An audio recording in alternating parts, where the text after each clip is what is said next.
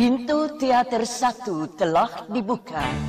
Bagi Anda yang telah memiliki karcis, silakan memasuki ruangan teater.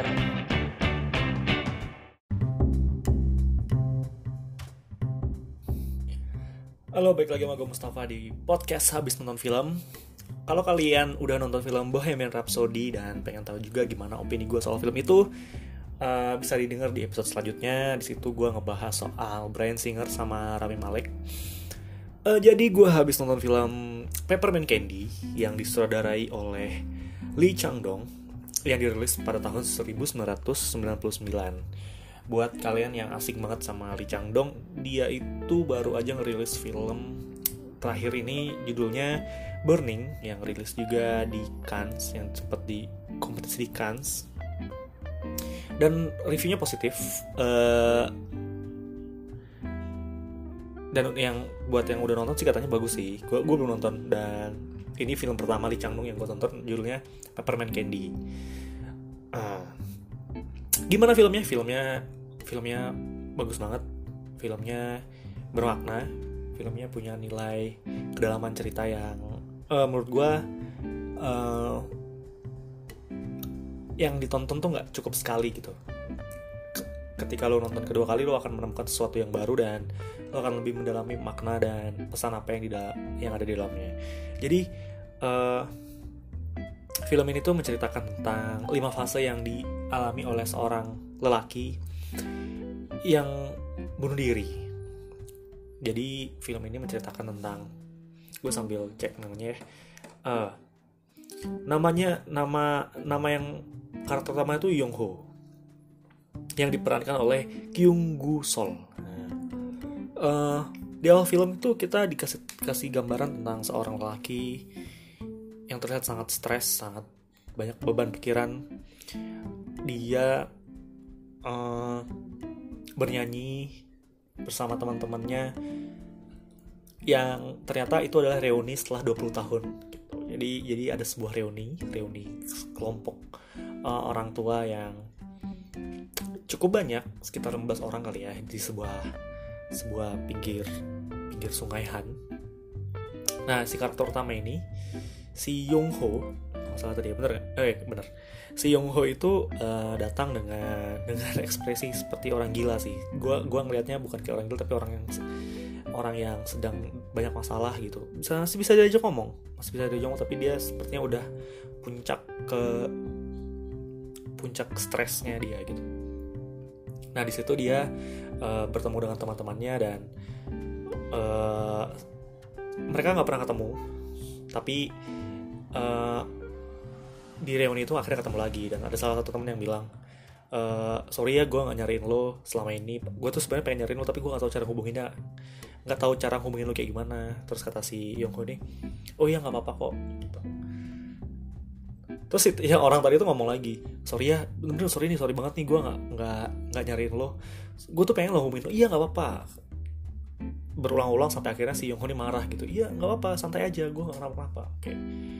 Terus dia nyanyi di nyanyian itu dia uh, terlihat sangat stres dan teman-temannya bingung gitu kenapa kenapa dia nyanyi kayak gitu dan tidak mengikuti irama tapi seperti meluapkan emosinya sampai akhirnya dia pergi meninggalkan teman-temannya itu melipir gitu ke tengah-tengah sungai gitu. Nggak sungai nggak dalam sih cetek.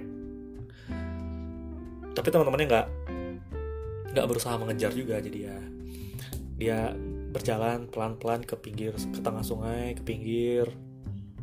Teman-teman cuma ngeliatin dan cuma keheranan gitu tanpa mendadak eh, tanpa melakukan sesuatu dan akhirnya uh, dia memutuskan untuk pergi ke naik ke atas uh, rel kereta api yang berada di atas sungai gitu. Jadi kalian bisa bayangin ada rel kereta api yang melintas di atas sebuah sungai dan dia naik ke atas itu. Teman-temannya ngeliat dari jauh gitu. Ada dialog yang itu tolong eh itu kita kasih tahu yuk suruh turun gitu. Jangan sampai dia gila deh atau loncat sana gitu. Terus ada yang temennya bilang tenang aja orang kalau bunuh, coba bunuh diri di Han sungai Han itu satu dari sepuluh. Eh kalau nggak salah uh, cuma satu yang mati sisanya gagal. Gitulah kalau nggak salah kayak gitu.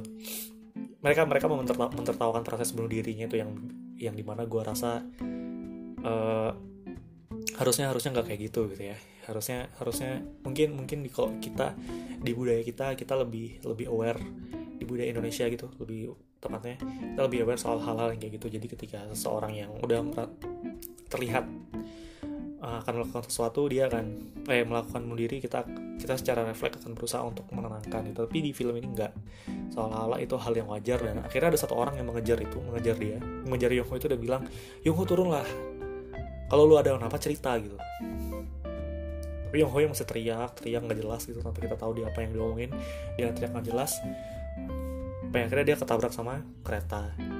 Sebelumnya ketabrak kameranya nggak freeze ya gambarnya nggak freeze dan kita diajak flashback ke lima fase kehidupannya gitu. Uh, eh, gue nggak akan cerita detail gimana fase-fasenya tapi uh, ada yang menarik dari film ini dan gue encourage kalian untuk nonton ya cari aja Peppermint Candy yang yang Lee Chang Dong. Uh, dia bisa bikin penggambaran kalau kereta jalannya kereta adalah sebuah lambang kehidupan gitu, yang selalu maju. Nah di film ini setiap transisi menuju flashback transisi menuju uh, fase hidupnya yang yang lalu sebelumnya itu digambarkan dengan penggambaran kereta api uh, rel kereta api yang bergerak mundur gitu kalau kalian bisa pernah bayangin kalian berdiri di ujung belakang kereta api dan ngerekam ngerekam video gitu ya kan? Kelihatan tuh kamera uh, gerakan kereta yang maju ke depan itu tapi ini dibalik jadi keretanya mundur. Nah itu, itu adegan kereta mundur itu selalu muncul di setiap pergantian fase yang gua gua sih mengartikannya sebagai uh, hidup itu sebenarnya selalu maju tapi ada uh, tapi inilah apa yang udah lo lewatin ini kita bisa bisa track back ke belakang gitu. Tapi sejatinya hidup itu sebuah kereta yang kita diajak untuk berjalan maju. Dan itu itu yang digambarkan dengan kereta ya ada banyak banget adegan kereta api di film ini. Dan gue rasa kereta itu adalah lambang kehidupan yang coba digambarkan sama Lee Chang Dong di film ini gitu. mungkin orang-orang yang berbeda tapi itu yang gue tangkap dan sangat dalam tentang penggambaran hidup uh, lebih tepatnya film ini tuh sebenarnya cerita tentang uh, seorang muda yang memutuskan untuk masuk ke dunia militer. Dan di sana dia merasa banyak kejadian traumatik yang yang mengganggu kehidupan dia selama hidupnya hingga akhirnya puncaknya dia ketika dia bunuh diri itu termasuk di antara di dalam situ ada kisah cintanya tentang tentang dia yang tidak yang akhirnya dia sadar dia tidak menghargai siapa yang sebenarnya dia cintai dan dia sepertinya dia salah mengambil keputusan dan itu membuatnya terpaksa untuk menjalankan kehidupan yang dia, dia sudah dia pilih gitu nggak ada lagi jalan balik setelah kalian setelah si karakter utama ini memilih jalan itu dan tidak nggak dia nggak bisa nggak bisa mundur lagi gitu selalu itu yang yang terjadi sama karakter utamanya dan dia dipaksa untuk untuk terus maju ke depan dan dan berusaha untuk uh, menjalani hidup yang begitu keras gitu. Peppermint Candy sendiri itu adalah sebuah simbol lagi yang di simbol uh, eh, gue sih ngerasa peppermint candy itu sendiri adalah sebuah simbol kasih sayang ya. Yang coba digambarkan di film ini karena simbol kasih sebuah kasih sayang yang udah hilang dari dirinya gitu. Jadi ketika ketika peppermint candy ini muncul itu hidupnya selalu selalu selalu selalu balik lagi ke ingatan-ingatan yang manis. Peppermint candy oke. Okay, permen pe, permen mint ini dari dibawa pertama kali oleh seorang wanita yang menjadi kekasih si Yong Ho uh, dia memberi kepada Yong Ho karena dia dia karena si wanita ini bekerja di sebuah pabrik dan dia sehari bisa menghasilkan seri, seribu uh, permen mint gitu. Dan kebetulan si Yong Ho juga suka. Dan akhirnya ya itulah permen ini jadi jadi simbol kisah cinta mereka berdua gitu selama si Yong Ho ini berada di militer pun dia diberi permen itu. Dan sampai akhir sampai akhir uh, cerita mereka berdua pun masih dikaitkan dengan peppermint ini. Dan permen mint ini permen mint ini muncul di di di fase yang ketika dia merasa jengah dia akan ada selalu ada permen mint ini gitu. Dan ya ya apa ya itu simbol cinta sih. Gimana sih kalau kalau kalau ngomongin ngomongin cinta tuh emang penuh dengan simbol gitu. Kayak uh, kalau menurut gue cinta itu es krim simbol cinta menurut gue tuh es krim gitu. Ketika ketika lo sedang dalam keadaan panas dan dan merasa bahwa dunia ini begitu terik untuk kalian jalanin gitu satu es krim kecil itu bisa mengubah suasana gitu. Dan es krim selalu ber, selalu selalu tepat di suasana apa apa pun gitu. Ya nggak benar nggak? Benar nggak kata gue jadi jadi kalau kalian sedih makan es krim seneng makan es krim apa pun apa pun situasinya es krim itu adalah uh, sesuatu yang yang tepat gitu. Nggak pernah salah deh. Es krim tuh pernah salah. Dan gue yakin yang bikin es krim tuh masuk surga men. Ya gak sih? Bener gak sih? Menurut gue ya yang mas yang yang akan masuk surga tuh yang bikin es krim bikin tempe sama bikin es teh manis. Menurut gue jasanya untuk dunia ini gede banget ya parah sih. Apalagi Republik Indonesia nih kalau nggak ada kalau nggak ada tempe sama es teh manis gue nggak ngerti deh pokoknya itu orang yang pertama kali nyiptain ide eh, kita bikin es teh manis yuk. Teh kita kasih es batu sama gula kayaknya enak deh. Wah itu gue ngerasa amal jariahnya tinggi men. Wah itu. Ya semoga uh, yang ciptain pasti masuk surga ya. Semoga deh karena amalnya baik. Baik lagi simbol cinta tadi. Uh, tadinya gue tadinya gue ngerasa film ini tentang tentang patah hati gitu, tadinya gue ngerasa. Karena awal-awal kita dilihat kan seperti orang yang habis ditinggal oleh kekasihnya. Ternyata enggak ternyata lebih kompleks dari itu gitu si Yong Ho ini ngelihat uh, istrinya selingkuh aja sebenarnya sebenarnya bukan jadi ada satu adegan uh, si istrinya Yong Ho karakter ini selingkuh dan dia sangat sangat kesal tapi tapi dia akan baik lagi ke kondisi dia tidak peduli gitu. karena pada dasarnya dia juga udah rusak hidupnya dan dia ngerasa hidup gue ini terlalu berantakan dan ada satu momen mengharukan menurut gue yang cukup cukup mengguncang adalah ketika si istri Yongho Yongho dan anaknya itu berdoa di rumah makan ketika mereka mau syukuran rumahnya yang baru gitu. Dan situ terlihat kalau Yong Ho itu tidak tidak tidak memiliki kepercayaan gitu. Jadi ketika istrinya mengajak dia berdoa si Yong Ho ini terlihat gusar gelisah dan dia memutuskan untuk pergi dan nggak tahu ke mana. Itu sih satu shot yang cukup panjang tapi tapi lumayan uh, lumayan bekas gue karena setelah ngeliatnya oke okay, uh, eh, gambarnya mungkin nggak terlalu banyak nggak banyak permainan yang aneh sih tapi permainan kamera movement yang aneh tapi acting dan adegannya sangat-sangat ya ngebuat kita berpikir lagi lah gitu. hmm. Apalagi ya? Uh, kalau kalian pernah nonton film 1987 ya yang yang dimainin sama Kim Tae-ri itu sedikit nyambung sini. Dan ada satu tahun di fase yang sama itu 1987 tentang pemberontakan mahasiswa. Dan ya kok ketika gue lihat fase hidup yang itu gue ngerasa oh ini nyambung sama film 1987 nih yang pernah gue tonton. 1987 lebih dibuat komersil dan lebih mudah dicerna. Beda sama ini yang yang biar pada meskipun bahasannya tentang apa ya tentang tentang tentang negara yang sedang berubah dari posisi militer yang opresif menjadi negara demokrasi itu? Uh, ini kemasannya sangat sangat sangat mendalam gitu ya kayak nonton film istirahatlah kata-kata gitu.